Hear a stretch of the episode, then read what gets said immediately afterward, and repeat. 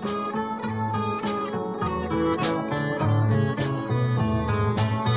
20 de setembre del 1980. Era l'última nit d'estiu, que hi ha quatre gotes i els organitzadors patien per la pluja. Feia molts mesos que preparaven el concert. Portar-nos aquí a Vilaplana, un poble amb poc més de 500 habitants, no va ser fàcil. Un grup de joves del col·lectiu llibertari van viatjar a París per convèncer el cantautor, com explica Josep Peixalà, més conegut com a Pep Savall al poble.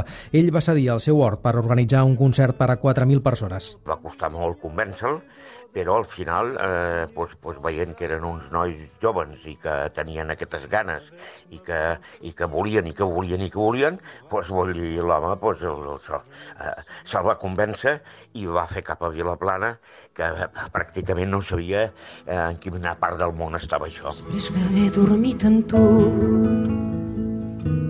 la meva solitud Marina Rossell, bona amiga de Mustaquí, ha estat l'escollida per recordar el concert i les seves cançons. L'actuació del 1980 va estar vinculada a la lluita antinuclear i va servir per finançar una campanya antimilitarista al poble. Pep Savall recorda que l'assistència va superar totes les expectatives. Van baixar gent del País Basc, van baixar eh, gent de l'Aragó, van vindre eh, gent de Madrid, van vindre bueno, gent de tot arreu. Va ser espectacular. Avec ma gueule de métèque, de juif errant, de pâtre grec, de voleur et de vagabond.